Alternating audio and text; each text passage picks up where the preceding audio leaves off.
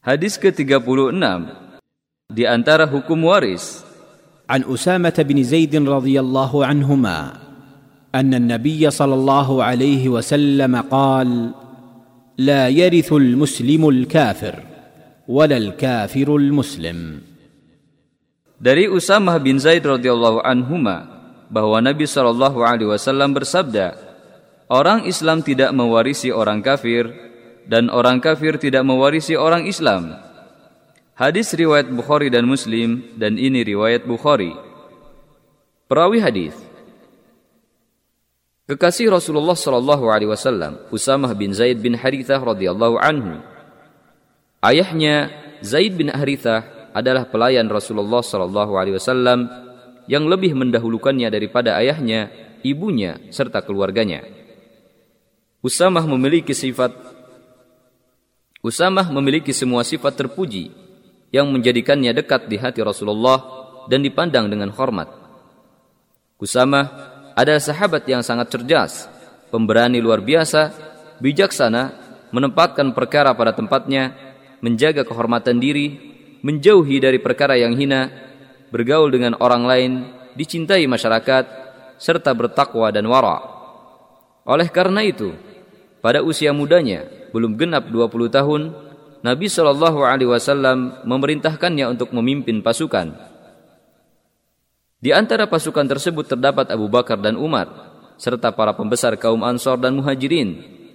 Kemudian Rasulullah Shallallahu Alaihi Wasallam wafat sebelum pasukan tersebut bergerak menuju target tujuannya. Kemudian Abu Bakar As-Siddiq mengirimnya setelah meminta izinnya agar Umar tetap tinggal mendampinginya di Madinah. Kemudian Usamah kembali bersama pasukannya dengan selamat dan membawa harta rampasan perang. Telah diriwayatkan darinya dalam kitab-kitab hadis sebanyak 118 hadis. Usamah bin Zaid menghindari fitnah setelah kematian Uthman bin Affan. Kemudian ia tinggal di sebuah daerah dekat Damaskus, kemudian kembali ke Madinah dan meninggal di sana di daerah Jurf pada tahun 54 Hijriah pada usia 61 tahun dan dimakamkan di Madinah.